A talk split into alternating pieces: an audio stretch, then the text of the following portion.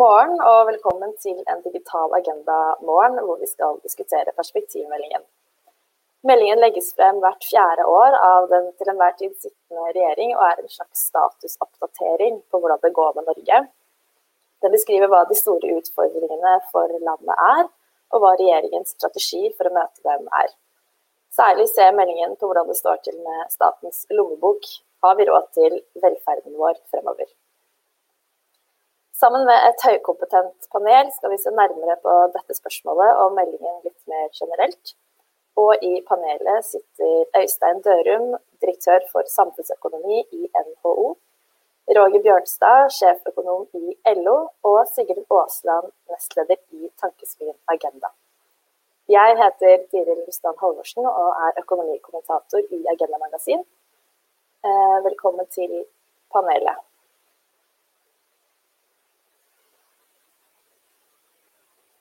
Hei. Hei. Hyggelig å se dere. Um, hovedbildet perspektivmeldingen uh, tegner, er at utgiftene fremover vil fortsette å øke, fordi vi får en økende andel eldre i befolkningen som vil trenge helse- og omsorgstjenester spesielt. Mens inntektene, da særlig fra skatt og olje, vil vokse saktere. Hvis ingenting blir gjort, vil utgiftene snart overstige inntektene på statsbudsjettet, og det såkalte handlingsrommet blir mindre. Men hva er handlingsrommet? Øystein Dørum, kan du forklare oss hva handlingsrommet betyr? Handlingsrommet som i, i, i, korte trekk handler jo om at man eh, fremskriver eh, offentlige utgifter, eller statsbudsjettets utgifter på den ene side, og statsbudsjettets inntekter på den andre side. Og så ser man om eh, den ene er større enn den andre, rett og slett. Og når inntektene overstiger utgiftene, så har vi et handlingsrom. Da har vi penger å bruke på satsinger. Hvis det motsatte skjer, så må man finne inndekning, altså stramme til i budsjettet. I kort. Mm. Mm. Eh, Roger Bjørnstad, i årets perspektivmelding så viser, et såkalt, eh, viser det at det har et, vi har et såkalt inndekningsbehov på 5 milliarder kroner per år frem mot 2060. Eh, hva er dette i forhold til handlingsrommet på budsjettet?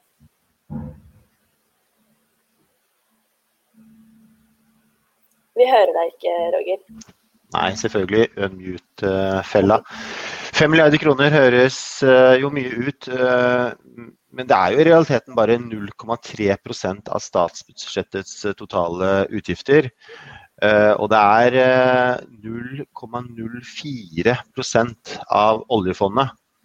Uh, så det er, det er, ikke rart at man kommer opp med måte, et handlingsrom når man bare viderefører en inntektsbane og en utgiftsbane som i dag. Men det er klart at 5 milliarder kroner ekstra hvert år skal jo, skal jo finansieres. Så man må jo finne et inndekningsbehov, for ellers så akkumuleres dette til å bli store størrelser over tid. Men det er jo muligheter. Bare i de siste tallene vi har for dette som jeg skal si nå, det er fra 2015.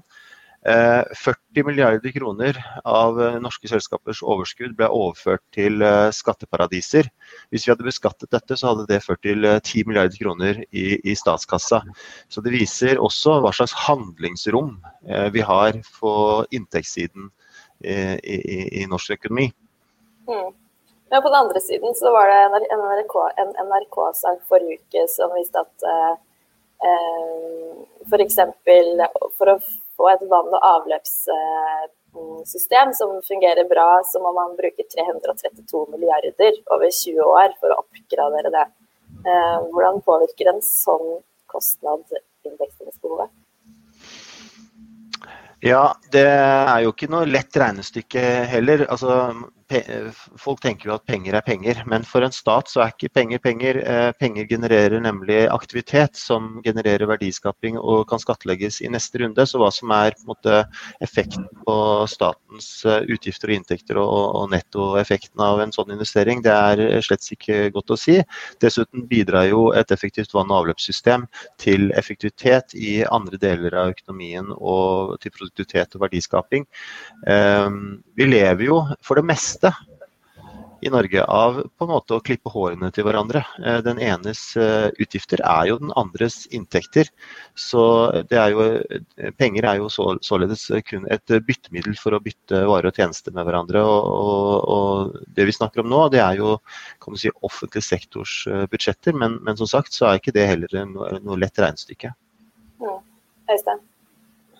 Nei, altså bare, bare adressere noen av, tallene her. For at uh, inndekningsbehovet slik det anslås i perspektivmeldingen er 5,6% av BNP i 2060. Og så er det selvfølgelig langt til 2060, det er 40 år. Man har god tid på seg til å gjøre, treffe tiltak for å, å, å, å nå det inndekningsbehovet. Men hvis vi skulle omsatt det i dagens størrelser, så er det en 150 milliarder kroner som vi ikke har. Uh, og, og, statens utgifter og inntekter må på en eller annen måte balansere. Eh, dette handler jo om, altså Vel kan staten trykke penger, men det handler jo om hvor, hvor stor del av, av, fellesskapets verdier som skal tilligge statskassa og, og fordeles av, av statskassa.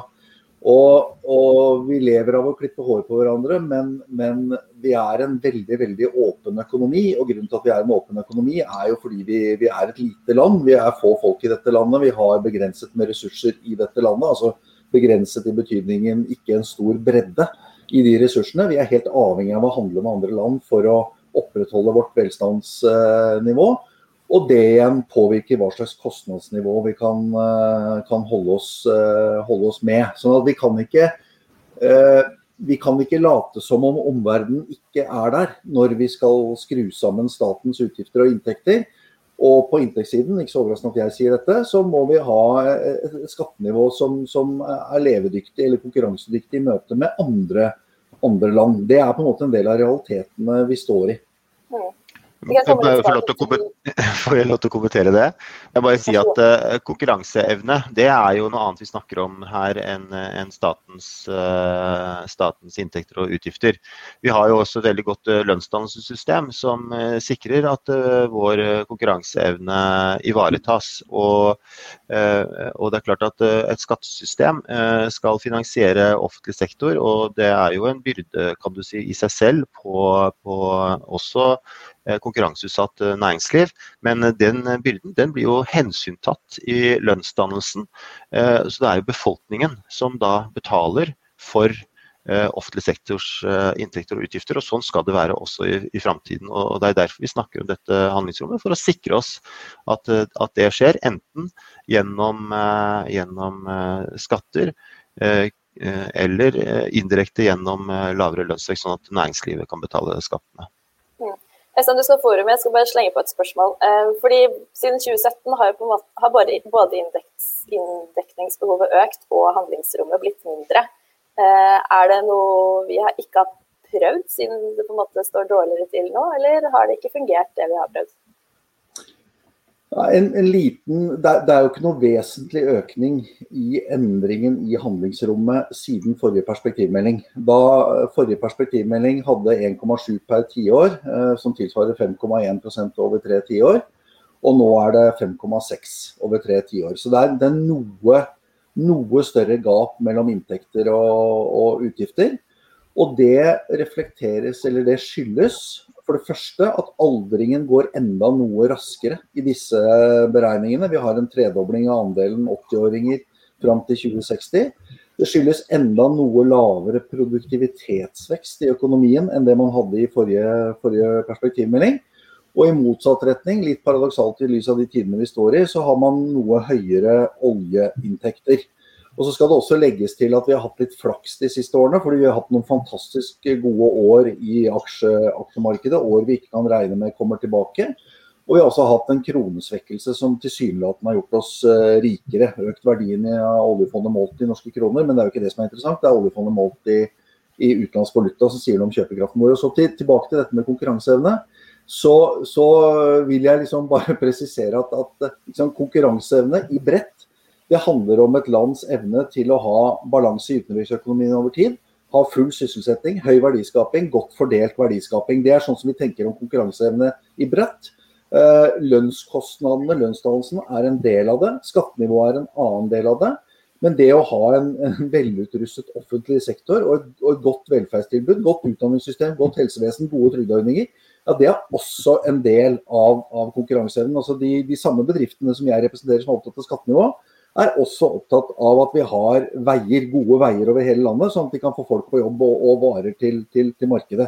Så det er ikke en sånn der, det, er ikke en, det er ikke en motsetning her mellom oss på den ene siden som skal ha lavest mulig, mulig skatter, og på den andre siden noen som skal ha høyest mulig offentlige utgifter. Men det er å finne den rette, rette miksen som gjør at landets konkurransekraft og landets velferdsnivå blir godt her og nå, men også fremover. Mm. Eh, eh, Sigrun, vi, vi, må komme litt videre, bare så får ordet igjen, Roger. I, i Tankesmien Agenda så pleier dere å si at vi har råd til framtida. Eh, og det kommer gjerne frem når dere snakker om perspektivmeldingen. Hva legger du i det, Sigrun?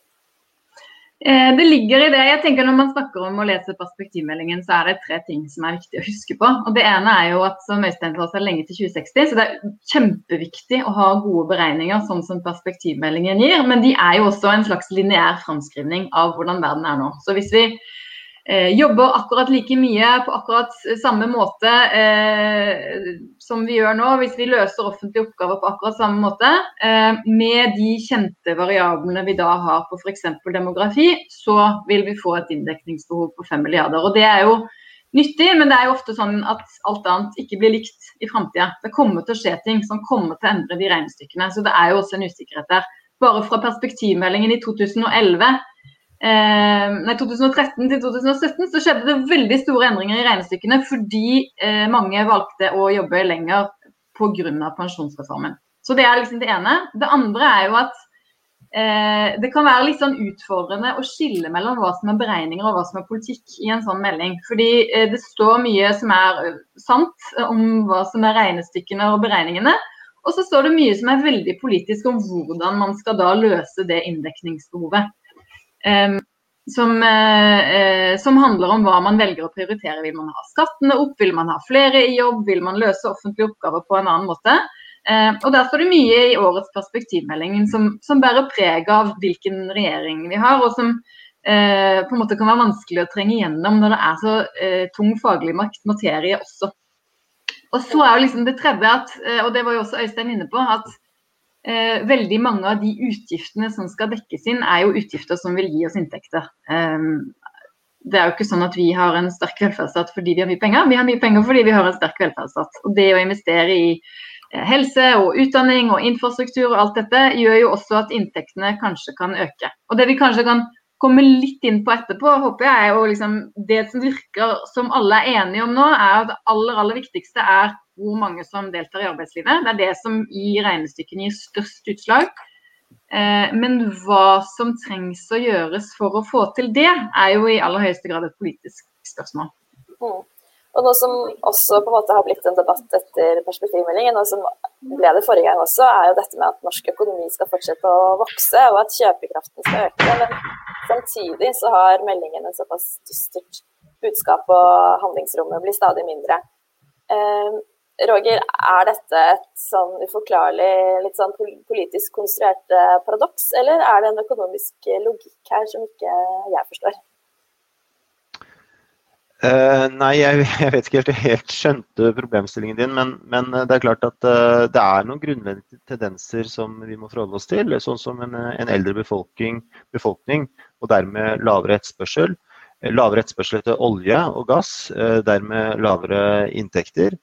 Eh, og samtidig så vil jo også klimakrisen, og jeg vil også si på mange måter ulikhetskrisen, eh, også dempe vekstøkonomien i, generelt.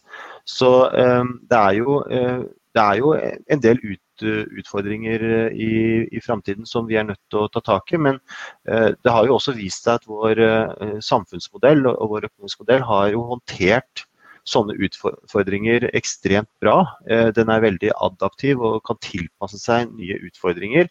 Eh, ja, vi må, må omstille oss. Ja, vi må dekke et inndekningsbehov.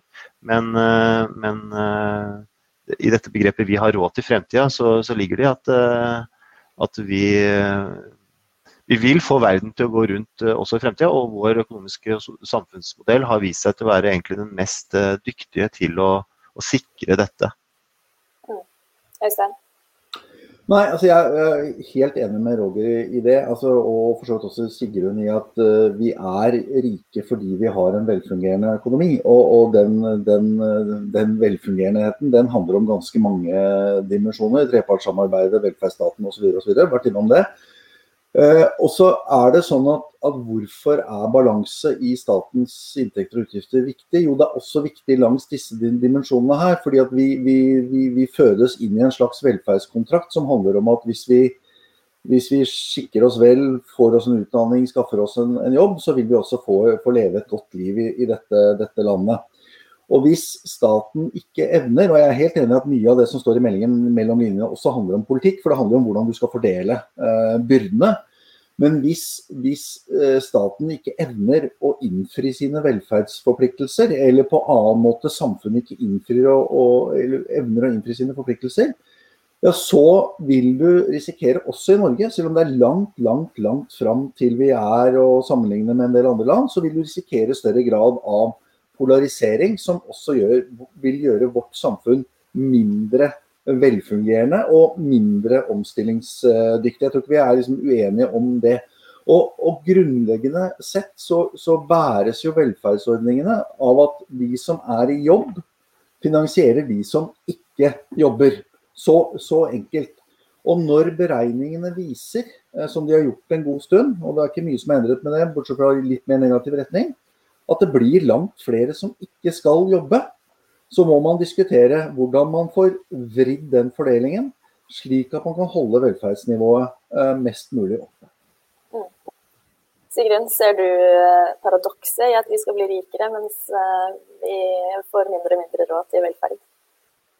Ja, det tror jeg mange ser på som et stort altså Den offentlige fattigdommen da, er jo et paradoks for mange når vi, vet, når vi ser at vi privat blir stadig rikere. Eh, men jeg hadde lyst til å, kommentere litt på det med at eh, som Øystein også var inne på, altså at inndekningsbehovet åpenbart må eh, Vi må dekke inn de kostnadene vi vil, eh, de pengene vi vil bruke. Og det aller viktigste vi kan gjøre for å få til det, den aller største bekymringen som det har vært over flere perspektivmeldinger, er jo at for mange eh, skal finansieres av færre som jobber. At det blir mange pensjonister. Så kan man forsøke og har forsøkt å gjøre noe med det gjennom å gjøre det lønnsomt å jobbe lenger. Vi er også stadig friskere, så det er jo ikke sånn at alle over 67 eh, har lyst til å være pensjonister på sikt. Og du og jeg, Tiril, kan antagelig bare glemme det. Men eh, det er jo også en, et bekymringsfullt antall unge mennesker som står utenfor arbeidslivet. Eh, og det er jo en gruppe som øker. Det er unge mennesker som ikke er i utdanning, ikke er i jobb. Nå har vi fått enda flere fordi de har kommet bak alle de permitterte og ledige som følge av koronakrisen i køen. Um, og vi vet jo også at veldig mye av det handler om økonomiske forskjeller. De som er uføre, er veldig ofte barn av foreldre som har vært uføre. De som står utenfor er veldig ofte de som ikke har fullført videregående skole. Eh, det er også ofte barn av foreldre med lav utdanning og inntekt. Så det er en veldig viktig økonomisk ulikhetsdimensjon der. Og vi vet at lavinntektsfamilier har mye dårligere forutsetninger for å eh, eh over tid få delta i arbeidslivet. Eh, så, så, det tenker jeg er en sånn vi lenge har vi sagt at det skal lønne seg å jobbe, eh, og det skal på en måte løse den utfordringen. Men jeg tror, og det skriver også denne meldingen ganske klart og tydelig, at det er liksom arbeidslinja som skal løse dette problemet. Jeg tror ikke det kommer til å være nok. Altså, vi, vi ser nå at eh, kompetansekravene er så høye, ulikhetene har blitt såpass store, eh, lønnsforskjellene også såpass store, at det å si at det skal lønne seg å jobbe og at eh, arbeidslinja skal gjelde, det er liksom ikke lenger helt tilstrekkelig. Det er altfor mange som uansett, som likevel da, ikke får en reell sjanse til å ta det fagbrevet eller til å eh, få det innpasset i arbeidslivet som, eh, som, de burde hatt. Og som også ville lønt seg veldig om de fikk det. Er det for enkelt Roger, å si at vi må ha flere i jobb, når vi vet at en del ikke får det til? Nei, det er absolutt ikke enkelt. Uh, det er enkelt å si det, kanskje. Men, men er, jeg, er, jeg, er, litt uenig med, med Sigrun i, i dette. Uh, jeg tror uh, vi har et stort potensial. Det er en del lavthengende frukt. Vi må ta de riktige grepene. og jeg tror egentlig ikke vi har noe alternativ heller. Fordi eh, hvis vi eh, legger oss eh, litt bakpå her og, og aksepterer eh, utenforskapet, så vil vi generere en, en, en samfunnsutvikling som, som, på mange måter bryter med, med hele den norske modellen. Eh, og vi snakket jo litt om, eller Øystein snakket litt i stad om, om, å se helheten i, i ulike politikkområder. Og, og, dette med ulikhet og utenforskap er også en del av, av den norske modellen. Fordi eh, vi kan ikke stå som arbeidstakergrupper kollektivt samlet og se på at uh, enkelte grupper ikke henger med i utviklingen. Det vil skape splid og splittelse internt, og dermed så ryker også hele den norske kan du si, samordna lønnsdannelsen. Så, så, dette henger absolutt sammen, og vi har ikke noe alternativ. Og jeg tror faktisk heller ikke det er så så vanskelig. Eh, vi har tatt noen grep som er eh, altså Sigrun, du peker på nåtiden som, som, en forklaring på hvorfor det er vanskelig, og det er jeg jo helt enig i. Vi har gjort noe som Eh, som, har, eh, som vi, har, vi, har, stilt oss i en vanskelig situasjon. F.eks.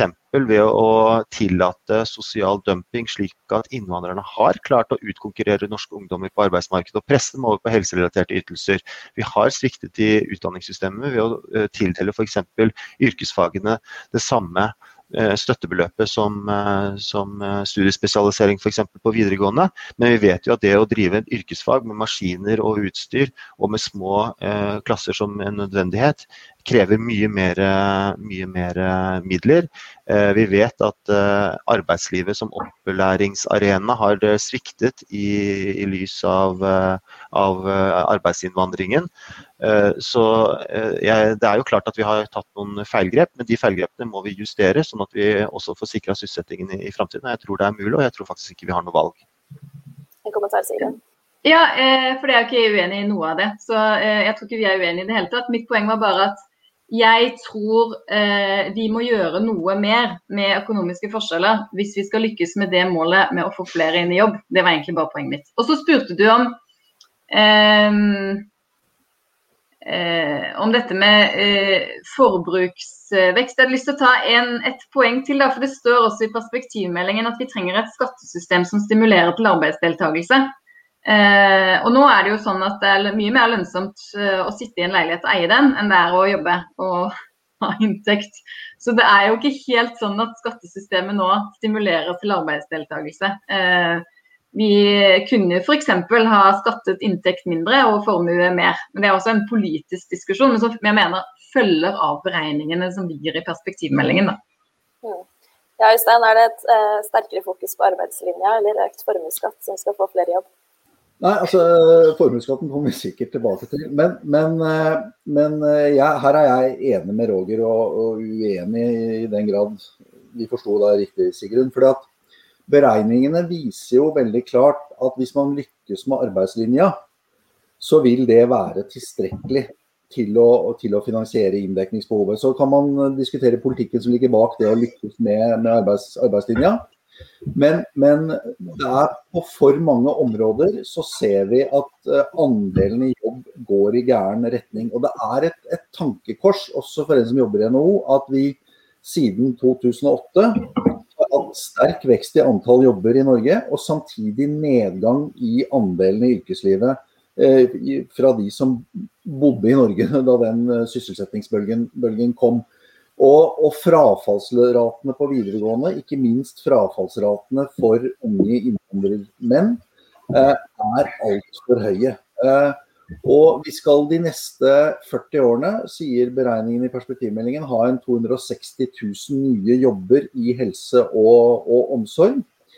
Og, og, da tenker jeg det er en sånn uh, no-brainer å spørre seg hvordan innretter vi oss i dag, slik at også de gutta som nå faller ut av videregående, velger den yrkesveien som gir grunnlag for mange eh, trygge, eh, gode jobber der framme som følger på ryggen av den aldringen vi står, står overfor. Så jeg, jeg, altså her er jeg helt på linje med Roger. det er utrolig krevende. Og, mm. og, jeg skal gi en vesentlig grunn til at det er krevende, men, men, men det er ikke Det er helt feil linje å gi opp det sporet og, og sørge for at flest mulig, lengst mulig, kan forsørge seg selv og sine ved hjelp av eget arbeid. Og når vi snakker om inntektsfordeling, så er det også et av de viktigste grepene man gjør for å hindre fattigdom eller lavinntekt, som har økt de siste, siste årene. Det er å gi eh, folk en jobb og en jobb å leve av. Men, men, men en av utfordringene våre det er jo at vi, vi, bor i et av verdens mest høyproduktive land. Med eh, store krav til kompetanse og ferdigheter i arbeidslivet. Et høyt eh, lønns, eh, lønnsnivå. Og, og, og, da er det vanskelig å, å sluse inn de som er eh, lavproduktive, som har riper i lakken, dårligere CV, manglende utdanning osv. i det arbeids, arbeidsmarkedet. Det er en utfordring. Kan jeg, Tiril, eh, jeg prøver igjen, for jeg tror jeg har uttrykt meg veldig klønete siden begge to misforstår hva jeg sier. Eh, jeg syns det er kjempebra, at, og jeg opplever at det har skjedd en endring der. Det aller viktigste for å få råd til framtida er at folk har en jobb. Det tror jeg vi alle sammen er enig i.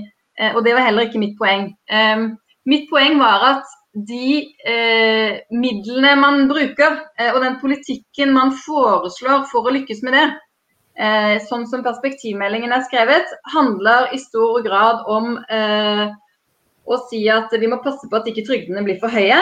Eh, og vi må passe på at det lønner seg å jobbe. Og det er jo litt sånn pisk eh, som ligger under der. Og det eh, har på en måte også vært bred politisk konsensus om i Norge. Sant? Det skal lønne seg å jobbe.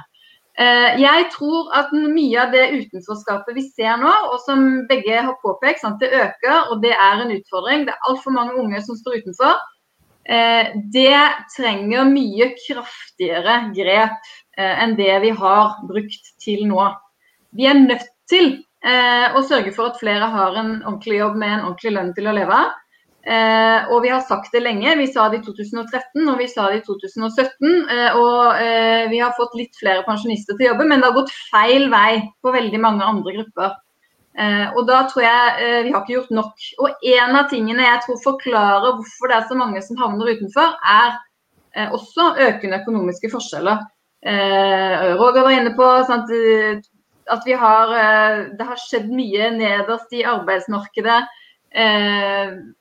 Altfor stort frafall som også handler om dårlige investeringer i yrkesfaglig opplæring, folk som ikke får fullføre fagbrevene sine, folk som ikke får læreplass. Altså, det er altfor mye som skjer der som ikke handler om at det ikke lønner seg å jobbe, men som handler om at veldig mange ikke får en reell mulighet til å få seg en jobb. Så det var mitt poeng.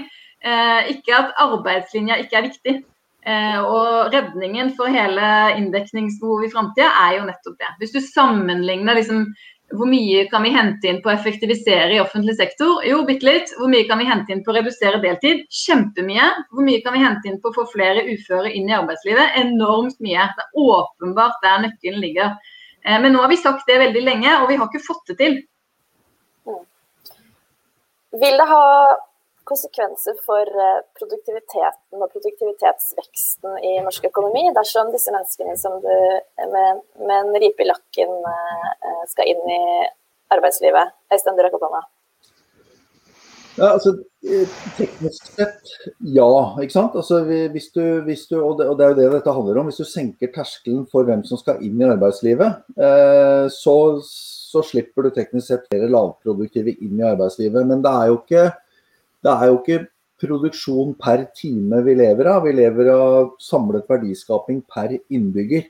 Sånn at det å, det å få flere av de som er i landet inn i jobb, det er en nettogevinst. Det øker deres inntekter, det senker statens utgifter, det øker potensielt statens, statens inntekter. Så, så, alt det vi diskuterer handler om liksom det derre det, det, krevende skjæringsfeltet mellom jobb og, og, og trygd. Vi, eh, vi, ønsker et trygdesystem som gir oss reell forsikring for uforskyldt ledighet, for uforskyldt uførhet, for uforskyldt eh, sykdom. Og vi kan ikke ha et trygdesystem hvor de ytelsene er så gode at for, for, de mange som befinner seg i situasjoner som er på, på vippen, slutten av arbeidslivet, slitsom jobb osv., så, så, så er, er, det for billig, da, om man vil, å gå over til, eh, over til, eh, til trygd.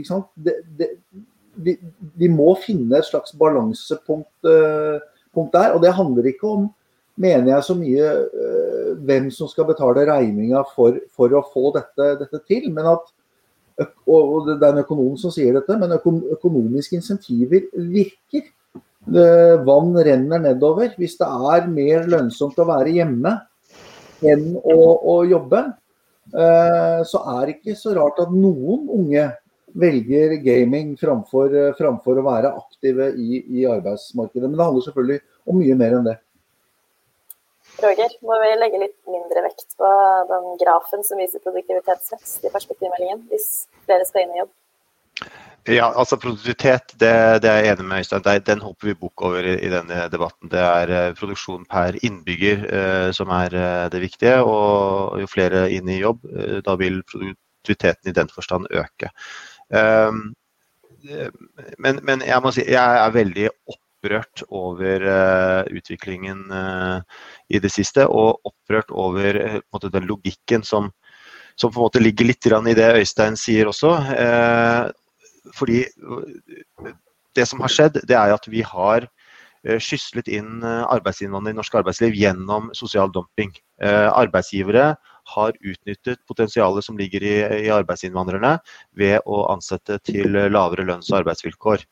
Eh, hva fører det til? Jo, det fører jo i neste runde til at eh, ikke bare at uh, ungdom og, og andre uh, norskfødte blir presset ut av arbeidslivet og på helserelaterte ytelser, men det fører også til at disse helserelaterte ytelsene selvfølgelig når Eh, taket i da det lønnsnivået som er blitt etablert. Så det, så det som eh, dette har ført til, er jo at, det, at høyresiden nå peker på at det er trygdesystemets problem at folk ikke uh, kommer i jobb. Og, og, dette har jo vi brukt mye tid på, på å endre fokus på i sysselsettingsutvalget f.eks. For, for det er å snu hele virkelighetsbildet opp ned. Man har først tillatt sosial dumping, og så har man angrepet trygdesystemet fordi at lønnsnivået i bånn blir uh, lavere enn, en, eller kommer ned på trygdenes nivå.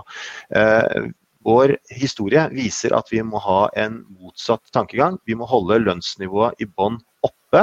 Vi må satse på arbeidsmarkedstak og utdanning, sånn at de, lavest, lavest de med lavest produktivitet har mulighet i det norske arbeidslivet.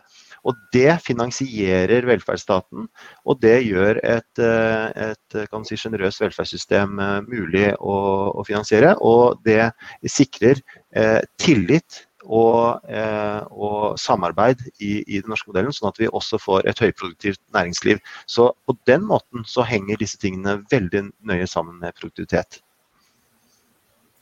Øystein? Nei, altså til, til eh, det vi, vi, er nok ikke så veldig uenige om, om virkelighetsbeskrivelsen. Altså, vi er, vi er, del av et stort europeisk arbeidsmarked. Vi er en høytlønt prosentdel av et europeisk arbeidsmarked. Og, og de mange som uh, kommer særlig fra de nye østeuropeiske landene, de, de, vet at de får vesentlig høyere lønn hvis de kommer til uh, Norge. Noen kaller, det, noen kaller det sosial dumping. Andre vil kalle det sosial jumping, altså for de som kommer sitt, uh, sitt vedkommende. Det er derfor de, derfor de kommer. Men, men uh, jeg tror ikke det er noe særlig, og det lå under det jeg sa i stad også, jeg tror ikke det er noe særlig tvil om at en del av de jobbene som har gått til innvandrere, de kunne alternativt ha gått til uh, de her i Norge med, med lavere produktivitet, med ufullført utdanning. og Eh, og lønnsdannelsen og hvordan bedriftene opptrer, har en del av, av si, medansvaret for, for denne, denne, utviklingen. Men, men, norske bedrifter er, eller brorparten av norske bedrifter, og i hvert fall brorparten av våre medlemmer, er jo seriøse virksomheter som ansetter til tariff eller, eller likeartede vilkår. Og det har vært gjort allmenngjøring på noen områder, også for at man skal ha Eh, likeartede lønnsvilkår. Men det er, noe, det er, ikke noe, tvil om at dette er også et av de stedene hvor skoen trykker i det norske, norske arbeidsmarkedet. Og at eh, også her så kan man nok si at gevinster og ulemper av eh, eh globaliseringen, i vårt tilfelle EØS-medlemskapet, de er ujevnt fordelt. Sigrun. Jeg hadde bare lyst til å, jeg er helt sikker på Roger har lyst til å svare på det med arbeidsinnvandring. Men eh, jeg hadde bare lyst til å si litt om det med trygdeytelser. fordi det er jo åpenbart sant at alt annet likt, da. Eh, hvis eh, det var fullt, full valgfrihet mellom å jobbe og ikke jobbe, så ville størrelsen på trygdeytelsene antagelig bety noe for om du valgte å jobbe eller valgte å gå på trygd. Eh, og Mye av diskusjonen her handler vel om i hvilken grad man tror at det er et valg. Hvis det var f.eks. Eh, helt frivillig, så skulle man jo tro at måte, den sosiale fordelingen av utenforskap var helt jevnt. At det var like mange med rike foreldre som med fattige foreldre og med høy og lav utdanning som sto utenfor arbeidsmarkedet. Men det er jo ikke sånn.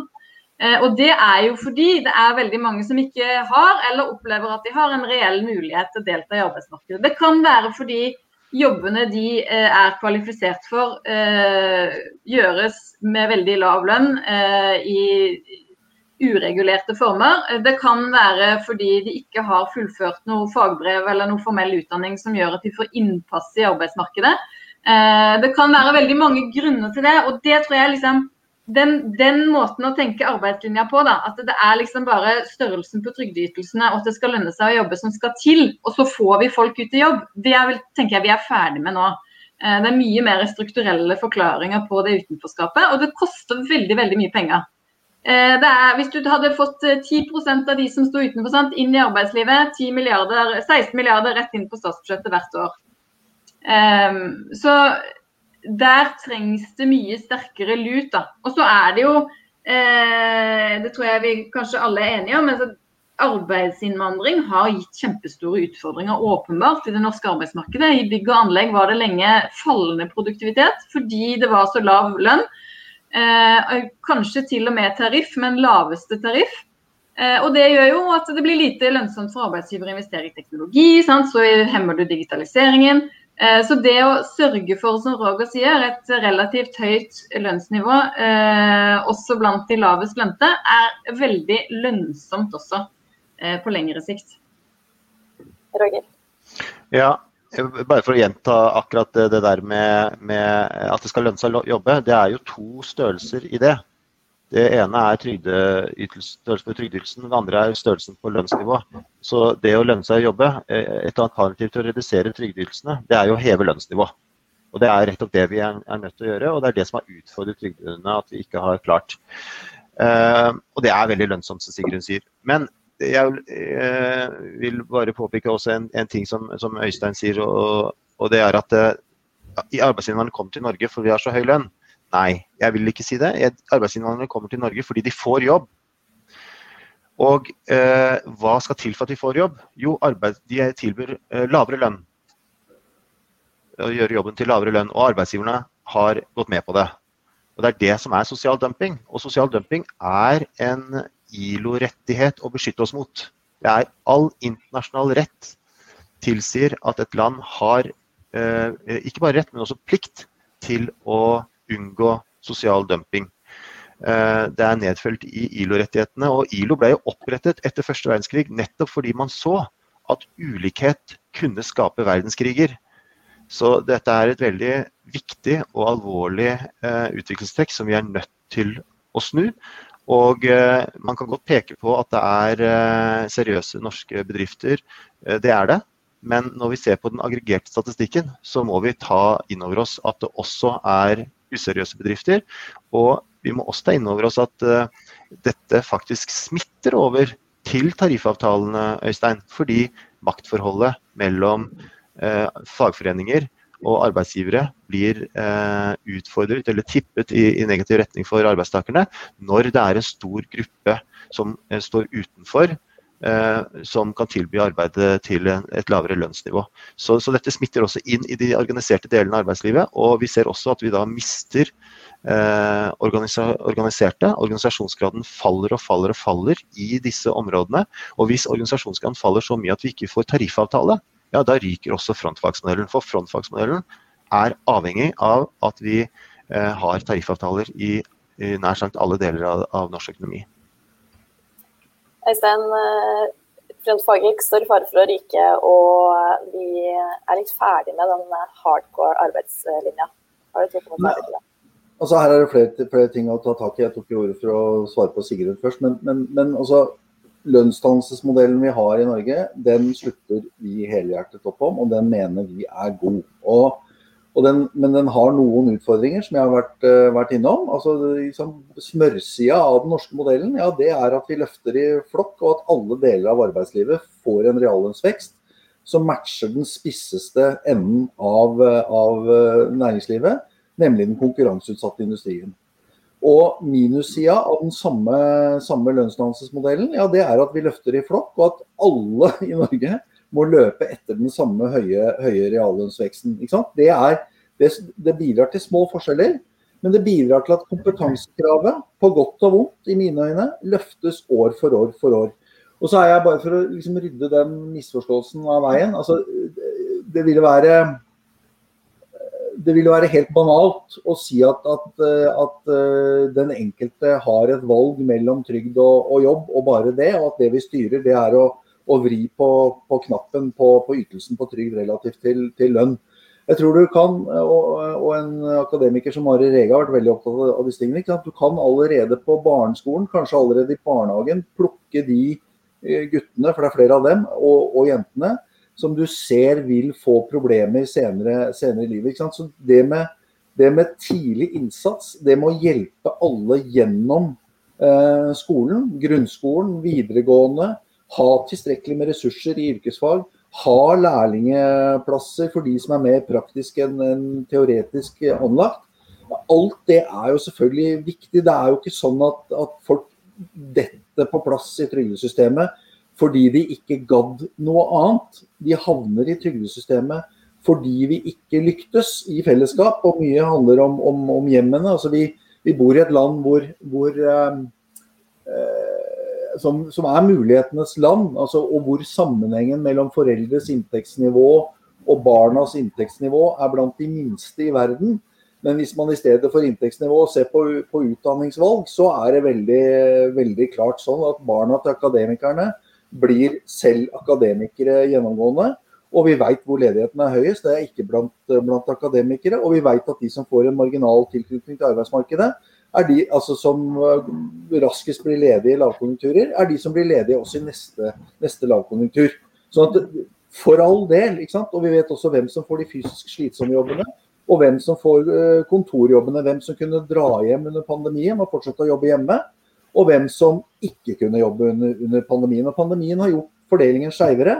Ikke fordi noen har valgt det slik, men fordi det har vært sånn. Fordi det uh, var sånn den traff oss. Mm.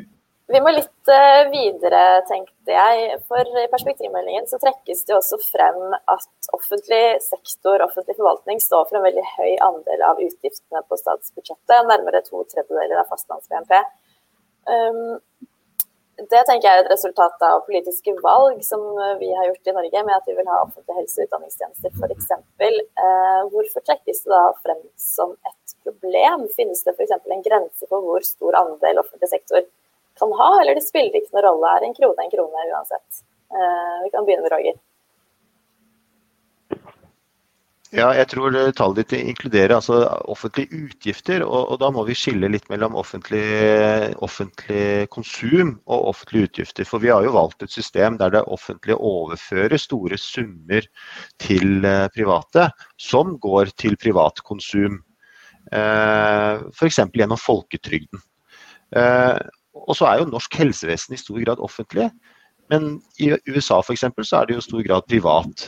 Og Vi mener jo at den norske modellen også er å foretrekke her, og ha et, eh, et godt uh, offentlig uh, tjenestetilbud som da befolkningen selvfølgelig må betale for. På samme måte som man betaler for det også i USA. Det bidrar i hvert fall selvfølgelig til en høyere andel av BNP som brukes over offentlige budsjetter, og det er da ikke noe problem for oss i, seg selv det, det, viktige er jo hvilke politiske valg som brukes. Og, og, og altså hvis, hvis, når vi snakker om små forskjeller i, i samfunnet, så, så, er det på en måte tre hovedkilder til, til forskjeller. Det ene er forskjeller i, i, i lønn lønnsforskjeller. Det andre er de som ikke kan jobbe, må jo ha et inntektssikringssystem. Eh, men det tredje er jo også tilgangen på eh, viktige basistjenester. Eh, og det at vi har organisert dette i den offentlige sektor, sikrer altså den delen eh, oppfyller på måte, norske likhetsvilkår. Mm. Jeg, jeg, tror ikke det er noe sånn fasitsvar. Altså, vi vil jo også være opptatt av inntektssiden her. Og, og, og, et høyt offentlig utgiftsnivå. Det er helt riktig som Roger sier. Dette er jo en kombinasjon både av overføringer og av, av offentlig bruk og offentlige investeringer. Et høyt, og da er vi tilbake til der vi startet på perspektivene. Høyt offentlig utgiftsnivå må finansieres. En god del av finansieringen den henter vi fra, fra, oljefondet. I fjor så tror jeg hver fjerde utgiftskrone kom fra, fra oljefondet. Det var ikke så nært mye. Men sånn eh, ca. hver sjette-sjuende krone skal over tid komme fra oljefondet. Resten kommer fra skatteinntektene i fastlandsøkonomien. Er det grenser for hvor høyt det skattenivået kan, kan, være? Ja, det er det åpenbart. På et eller annet tidspunkt så, så, så flytter folk ut av landet. Bedrifter flytter ut av landet folk eh, mister insentivene til å, til å, å, å jobbe. Og, og, og, Norge har en veldig stor offentlig sektor allerede. Det er ingen sammenlignbare land, altså ingen industriland, som har en høyere andel sysselsatt i offentlig sektor enn det vi har. Og så kan vi samtidig si at vi er et av de mest vellykkede landene i verden, så det kan ikke være så, så veldig gærent heller. Men det jeg lærte på, på, på skolen, det var at at det offentlige skal gripe inn der hvor markedet ikke leverer gode nok tjenester, gode nok eh, løsninger. Det er ikke nødvendigvis argument for at offentlig skal drive heller, men de skal regulere eller skattlegge eller avgifts, eh, avgiftsbelegge. Og når vi går inn i en, en, verden hvor utgiftene vokser mer enn inntektene, og hvor vi får et inndekningsbehov, så vil det være helt feil at vi ikke spør oss selv ja, er, er alt det det offentlige gjør i dag riktig? Skal vi fortsette med alt dette? Eh, kan vi gjøre noe for å få trygdene ned og verdiskapingen opp? F.eks. ved å få flere, flere jobb. Kan vi bruke de, de, store ressursene vi har i offentlig sektor på en smartere måte enn i dag? Kan digitaliseringen gjøre at vi kan, eh, vi kan få mer ut av ressursene våre i helsevesenet? Det er ingen land som har flere sykepleiere per innbygger enn en Norge. Vi ligger nesten i teten på antall, andelen leger per, per innbygger i, i, Norge. Har vi et vesentlig bedre helsevesen enn en sammenlignbare land? Tja, ikke hvis du ser på en rekke helseindikatorer. Er, de har mange muligheter til å, å, få mer ut av ressursene våre. Og jeg mener at det har vi en forpliktelse til å prøve å gjøre. Er det noe rom Sigrun, for å effektivisere offentlig sektor? Eh, ja, eh, først til det med eh, størrelsen på offentlig sektor. Da, fordi jeg tror heller ikke det, det finnes noe fasit der. Det er klart vi må ha noen eksportinntekter så vi kan kjøpe ting fra utlandet. Men utover det så må vi innrette oss på en måte som gir fornuftige løsninger. Og jeg opplever ofte at problemstillingen blir litt motsatt.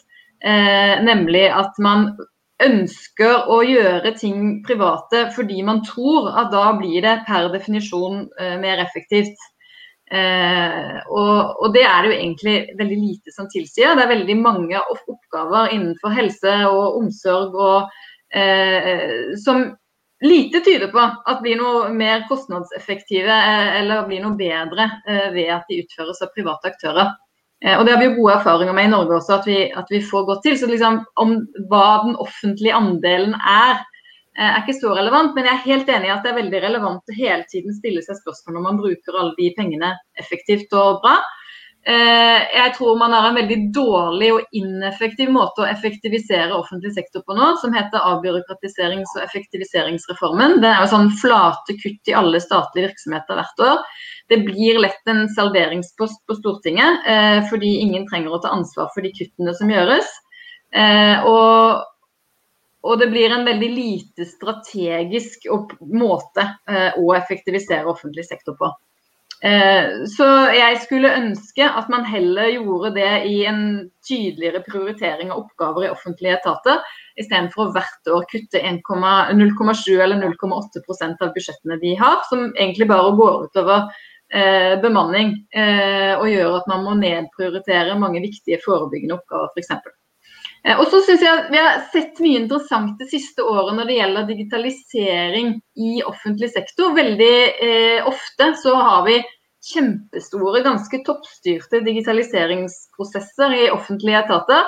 Eh, og så Da korona kom og ting måtte gjøres hjemme, så så vi jo at det boblet opp litt sånne nedenfra opp-løsninger. Og Mye av kritikken mot de liksom veldig store digitaliseringsprosessene har jo vært at de ikke alltid husker på å spørre de som skal bruke de, eh, spørre de som skal jobbe med de, de er ikke så godt forankret. Eh, og vi har et stort potensial for å digitalisere på en smartere måte, i hvert fall. Eh, hvis vi investerer nok i kompetanse som trengs, hvis vi tør å ta noen kostnader i front som kan spare oss noen mye større kostnader på lengre sikt, Eh, så der tror jeg vi har et potensial. Av og til så, og Vi har studert litt hva, hva denne avbyråkratiserings- og effektiviseringsreformen egentlig gjør. Og, og, av og til så blir det jo til at man faktisk må forsinke noen sånne store digitaliseringsprosjekter. Fordi de flate årlige kuttene gjør at man ikke kan ta den nødvendige investeringen. Mm. Ja, Roger. Du må ta den mikrofonen. Eh, jeg, jeg mener det faktisk Eh, er svært uheldig at eh, vi åpner opp eh, for massivt private bedrifter inn i offentlige tjenesteproduksjonen. Det vil faktisk kunne føre til lavere eksportinntekter. Fordi det som skjer nå, er at privat kapital søker seg dit hvor eh, avkastningen er sikker, og det er med offentlige eh, budsjetter som finansierer. Og Isteden skulle jo denne private kapitalen søkt seg til risikoprosjekter for å investere i ny, nye eksportbedrifter. Eh, omstillingen norsk økonomi skal gjennom. Mange private aktører har misforstått hva slags omstilling Norge skal gjennom. Vi skal ikke omstille oss fra at private eksportbedrifter nå skal begynne å levere offentlige helsetjenester den private kapitalen som ligger i, i konkurranseutsatt sektor, den må søke seg over til andre og nye former for, for eksportinntekter. Og, og, og, når vi i tillegg tar med det som Sigrun sier, nemlig at private leveranser ikke fører til, eh, nødvendigvis fører til eh, verken bedre tjenester eller billigere tjenester, eh, så, så er det ingen grunn for å, å, å gå den veien. Og og vil, jeg, det, er jo, det er jo veldig forståelig at bedriftsledere tenker at oi, her er det et stort marked med en veldig sikker betaler, og så faller eksportmarkedene våre. Ja, jeg tror vi vender oss inn mot norsk helsevesen eller barnevern eller barnehager. Det er ikke veien å gå for norsk produktiv kapital.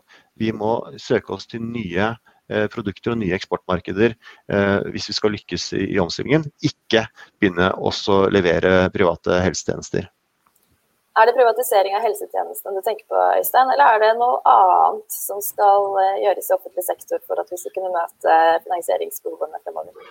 Altså, her her syns jeg Roger leverer en slags karikatur av norske, norske, eksportbedrifter. For at norske industrilokomotiver er opptatt av det grønne skiftet, av den omstillingen de ser kommer vekk fra olje og over mot noe annet. Og de posisjonerer seg jo ikke for å for å privatisere privatisere eller ta del i offentlige, offentlige tjenester. Og så er det, altså dette, dette, er selvfølgelig en av de mest politiske diskusjonene vi går inn i. Jeg går tilbake til, til det jeg mener er, er læreboktesa. Det offentlige skal gå inn der hvor det private ikke leverer like gode, like gode tjenester. Og, og, og, og det, er, sant, det, er, en slags hulhet i dette her. fordi vi, vi, holder oss med private tannleger i, i, Norge. Mener Sigrun eller Roger at det ville vært bedre om de tannlegene var ansatt i det, offentlige? Vi holder oss med private barnehager, som var en vesentlig del av, eller grunn til at vi lyktes med barnehagereformen. Og, og den vesentlige forskjellen mellom en privat bedrift og en offentlig virksomhet er at den private bedriften vet at hvis den ikke løper raskt nok, skjerper seg, tar i bruk ny teknologi, innoverer, ja, så er den ute av business. Det er den grunnleggende forskjellen på, på privat og offentlig.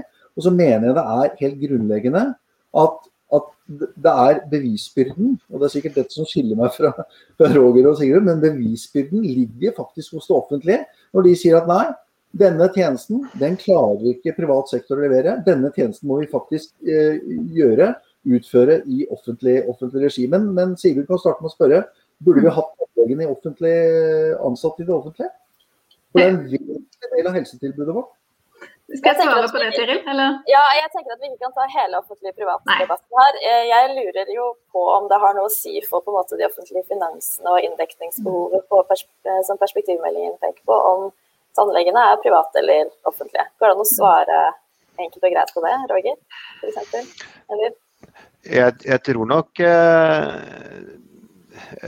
ta, altså, Jeg tror nok også vi hadde hatt noe å hente på f.eks. Uh, hvem som får tilgang til de beste tannlegetjenestene. eh, hvis vi hadde, eh, hvis, hvis vi hadde ja, hatt et, et, et, bedre offentlig tannhelsetilbud, faktisk. Men her er det jo også snakk om hvordan finansieringssystemet fungerer. Men det er jo ikke riktig bare det som Øystein sier, at, det, at, private skal levere der de kan levere bedre. Altså, det må jo eksistere et marked. Markedsprinsippene må være, full, være, eh, være, til stede. Eh, og Det er nettopp det som er problemet. At eh, når private går inn og leverer tunge offentlige tjenester, så er, er det tendenser til monopoldannelser. Det er tendenser til at kvalitet som ikke måles, kan måles, eh, eh, blir levert eh, dårlig. Og det er en tendens til selektering av markedet, hvor, hvor de private skummer fløten. Og vi ser hvordan disse pengene hoper seg opp i f.eks. helsekonsern eller barnevern eller barn, private barnehager. Og vi ser hvordan de pengene havner i skatteparadis. Pengene kanaliseres opp i et morselskap som eier kanskje barnehagebygningen, og så selges denne barnehagebygningen til et internasjonalt oppkjøpsfond, og så overføres eh, disse da skattebetalernes penger til eh, lavkostnadsland, eh, nei, unnskyld, skatteparadis. Eh, så, så, så, så, vi må jo se hvordan om markedsprinsippene eh, er til stede for, eh, for å levere disse tjenestene. Vi har dessverre ikke tid til mer av det. Jeg har lyst til å spørre, Det har vært eh, koronapandemi, og det har blitt brukt veldig mye penger over eh, det siste året, halvannet året. Eh, og trolig veldig sikkert blir brukt mer fremover også, for å få fart på økonomien. Finans- og pengepolitikk er jo disse verktøyene vi bruker. Kan disse brukes til å øke eller senke, eller senke dette handlingsrommet? Kan vi på en måte styre oss til et eh, mindre eller større handlingsrom. Spør du meg, Tiril? Jeg spør egentlig begge eller alle tre. Men du kan begynne. Da kan jeg starte.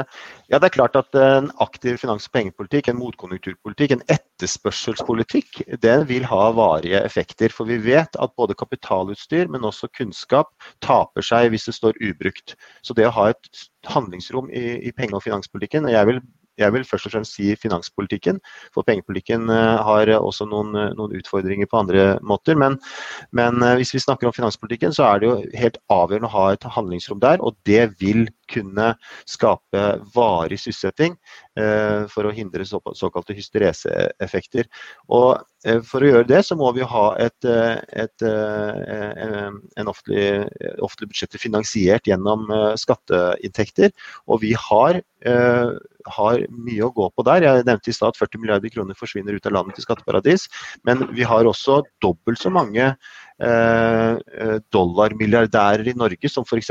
USA har, og, og de skatter svært lavt. Og Forskere har begynt å se på dette nå. Vi har noen forskere fra, fra LSI, altså London School of Economics, som har sett på skattekuttene de siste 50 årene i, i 18 OECD-land. og De viser at skattekuttene som har eh, vært gjennomført, har ikke ført til høyere økonomisk vekst, har ikke ført til lavere arbeidsledighet, men har ført til stor økning i ulikhetene. Og de, de anbefaler jo at vi må møte covid-krisen med et effektivt skattesystem som sikrer at finanspolitikken kan drive nettopp en, et, et, et, sånn type politikk for, for økt sysselsetting og økt etterspørsel. Mm. Her er det mange tråder, men, men, vi bruker jo penger i en krise for å hindre at arbeidsledigheten blir for høy. Fordi vi vet at høy arbeidsledighet har kostnader. Det risikerer at folk skyves ut av, ut av, arbeidsmarkedet. Vi bruker penger på offentlig infrastruktur, på utdanning, på helse, fordi vi vet at det bidrar til å øke vekstevnen i, i økonomien. Så at, at uh, alt dette handler jo om å bruke, bruke pengene smart. Det handler om å om om, om å, bruke pengene der de bidrar til å øke eh, vår samlende verdiskaping.